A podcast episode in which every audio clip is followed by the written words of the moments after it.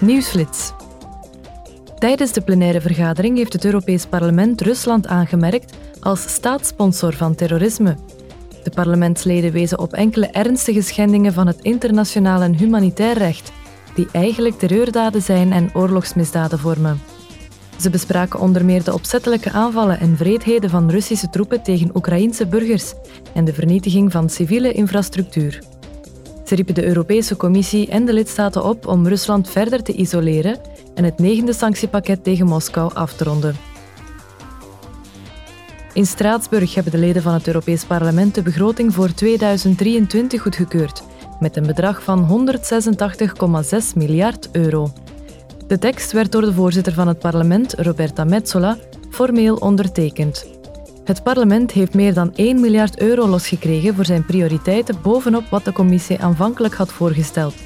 De parlementsleden zorgden voor meer financiering voor programma's en beleid die ze belangrijk achten om de gevolgen van de oorlog in Oekraïne en de energiecrisis aan te pakken, om bij te dragen aan het herstel na de pandemie en om de groene en digitale transitie te versterken. Afgelopen woensdag hebben Roberta Metsola, voorzitter van het Europees Parlement, en Dario Nardella, burgemeester van Firenze en voorzitter van het netwerk Eurocities, dat bestaat uit de ruim 200 grootste steden van Europa, het initiatief Generatoren voor Hoop opgestart. Deze campagne is een oproep aan steden om stroomgeneratoren en transformatoren aan Oekraïne te schenken, zodat de bevolking de strenge winter beter kan doorkomen. Meer dan de helft van het Oekraïense elektriciteitsnet is beschadigd of vernietigd als gevolg van de Russische oorlog tegen Oekraïne en de aanvallen van Rusland op civiele infrastructuur, waardoor miljoenen Oekraïners zonder stroom zitten.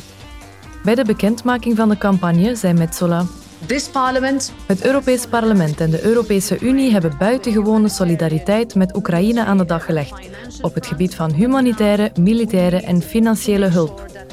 Nu heeft het land ook praktische ondersteuning nodig om de winter door te komen en moeten we ervoor zorgen dat we de nodige middelen vinden om dat te verwezenlijken.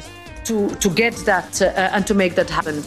Op de persconferentie werd het initiatief positief onthaald door Andrei Yermak, hoofd van het kabinet van Oekraïens president Zelensky.